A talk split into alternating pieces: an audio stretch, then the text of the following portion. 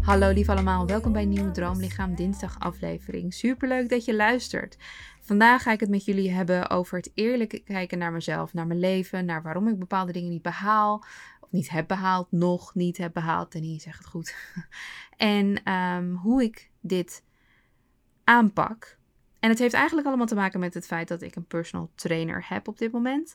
En dat zet dingen gewoon in werking. Dat zet dingen echt uh, in een soort van reality check.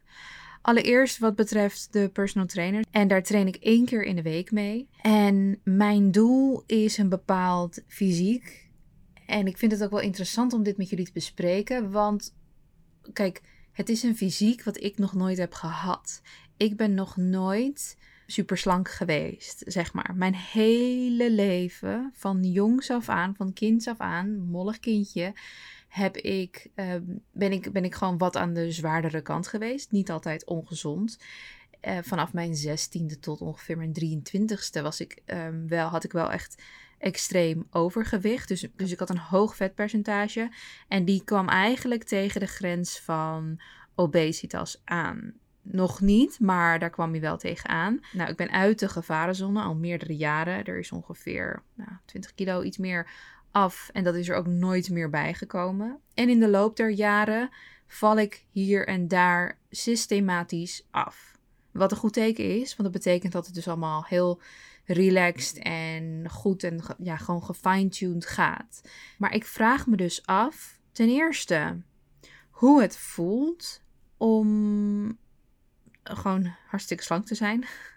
Zonder dat ik dat daarmee mensen trigger of zo. Maar ik vraag me gewoon af hoe dat zou zijn. Dit is ongeveer wel het slangste wat ik ooit ben geweest.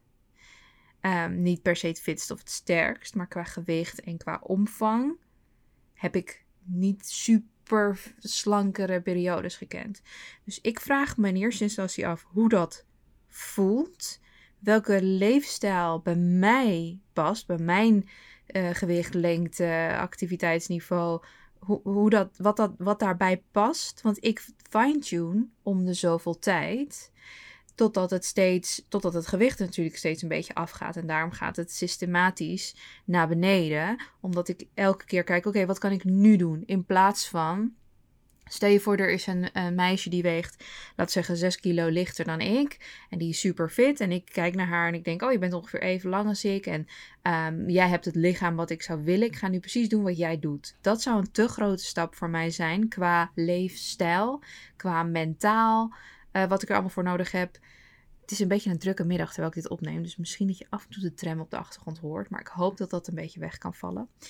Anyway, ik kan dus naar zo iemand kijken en denken: oh ja, ik ga het overnemen. Maar dat is dus een te groot contrast. Dat weet ik, omdat alles wat je omtrent gewoontes gaat doen wat te ver ligt van wat je nu doet, daar ga je weerstand bij creëren, omdat het um, vaak iets afneemt van wat je nu hebt. En alle boeken rondom gewoontes gaan erover. Als je heel Atomic Habits, het boek leest, wat echt een ontzettend goed boek is, die ook weer informatie uit andere boeken haalt, andere onderzoeken, wetenschap erbij, dan komt het erop neer dat als je te grote veranderingen aanbrengt, dat ze maar van korte duur zijn, omdat ze een te groot contrast vormen met nu. En dat wetende vraag ik mij soms af: van kan ik het tempo niet ietsje verhogen? Kan ik niet iets meer proberen uit mijn comfortzone? Want als ik denk van dat ik dus niet weet hoe dat voelt om, om um, zo slank te zijn, zeg maar. En dan wil ik niet zeggen dat ik niet slank ben of dat, weet je wel, dat, dat daar gaat het allemaal niet over. Maar gewoon puur zonder emotie. Gewoon ik een aantal kilo lichter, wat ik nog nooit ben geweest. Hoe zou dat voelen? Hoe zou dat op dagelijkse basis voelen? Hoe zou die leefstijl voelen?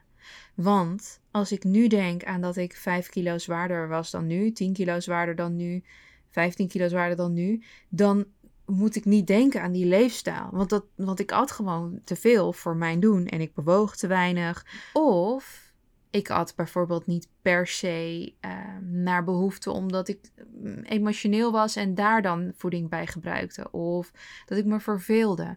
En die elementen spelen dus nog steeds een rol in mijn leven. Alleen wat minder, wat beter gefine-tuned. Maar ik merk wel nog steeds dat als ik me verveel of als ik iets aan het uitstellen ben, werkdingen of zo, dan denk ik, nou dan ga ik even eten. Dan ga ik even een maaltijd maken. En dan kan ik zo anderhalf uur in de keuken staan en allemaal gezonde dingen maken. Maar wat ik eigenlijk aan het doen ben, is uit de weg gaan wat ik eigenlijk moet doen. Dus ik ga, ik, ben, ik ga dan eten maken en eten, zodat ik dan niet hoef te werken. Terwijl ik niet per se dan nog honger heb. Dus daar zit heel veel voor mij te ontwikkelen. En ik vraag me dus af voor de zoveelste keer: hoe zou het zijn als ik die leefstijl zou hebben die gepaard gaat bij het slankere lichaam? En zou ik dat eigenlijk wel heel fijn vinden dan wat ik nu heb? En zou ik dan niet nu iets strenger moeten kijken naar wanneer eet ik niet naar behoefte? Wanneer ben ik um, sport aan het uitstellen? Wanneer ben ik uh, aan het eten omdat ik me misschien verdrietig voel? Of omdat ik denk, nou, ik heb zo'n drukke, zware dag gehad.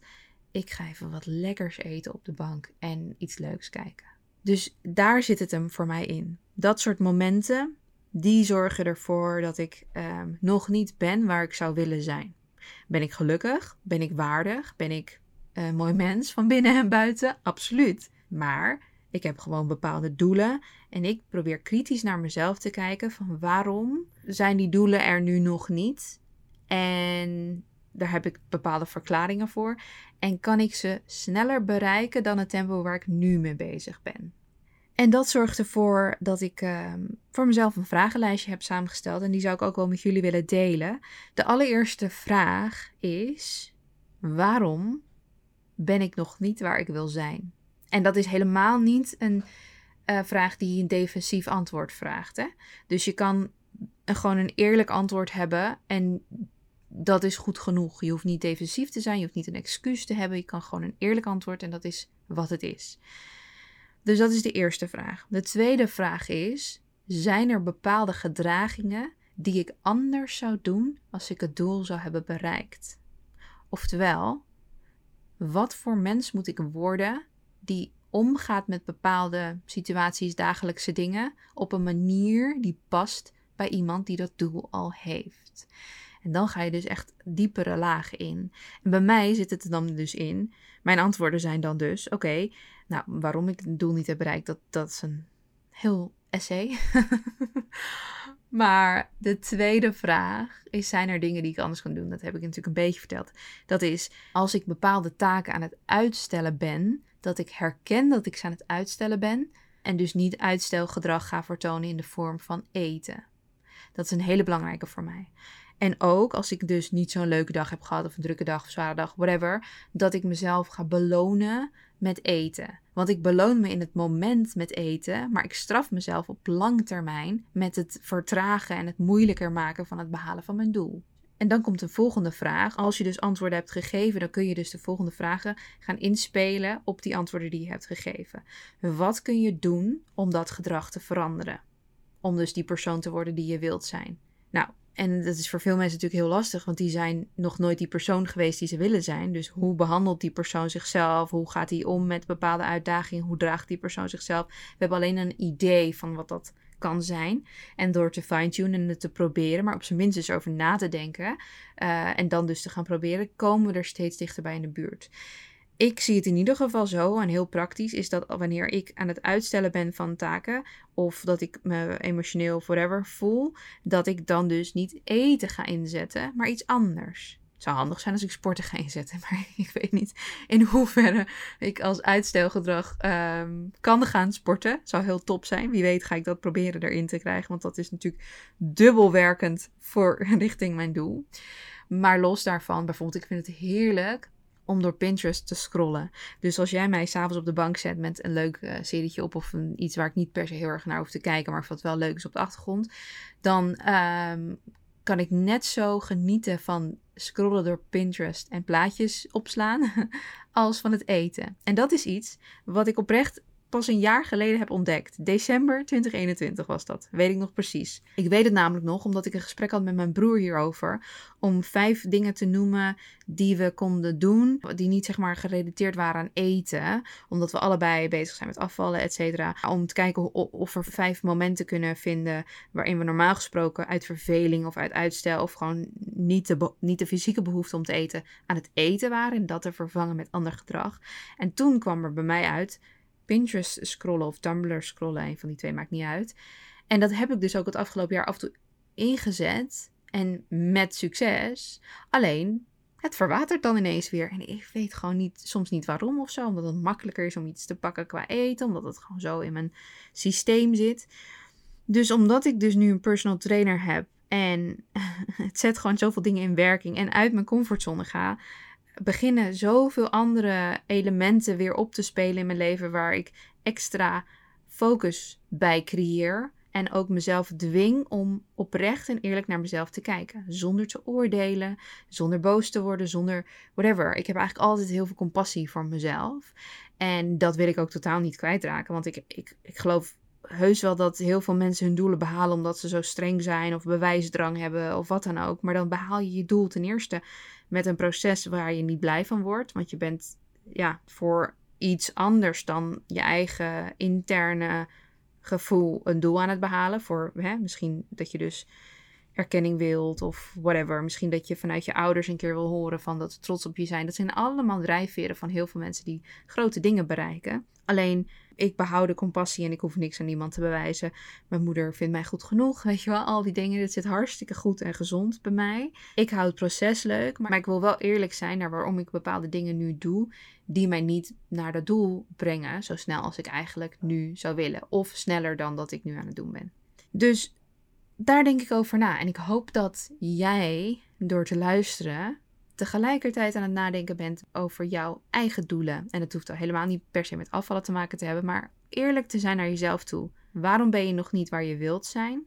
Als allereerste vraag. Tweede vraag. Welke gedragingen horen bij de persoon die dat doel heeft bereikt, die jij dus nu niet doet? En hoe kun je zorgen dat je die gedragingen ook krijgt. Of de gedragingen nu aanpast naar gezondere gedragingen, gewoontes die in ieder geval verder helpen richting dat doel. En dat ze wel mentaal en fysiek gezond zijn en blijven. Ik zeg het er maar bij, maar in principe als je me volgt, dan weet je dat ik nooit iets zou zeggen of doen. Ik zou nooit iets doen wat ongezond is voor mijn mentale gezondheid. En al helemaal niet voor mijn fysieke gezondheid.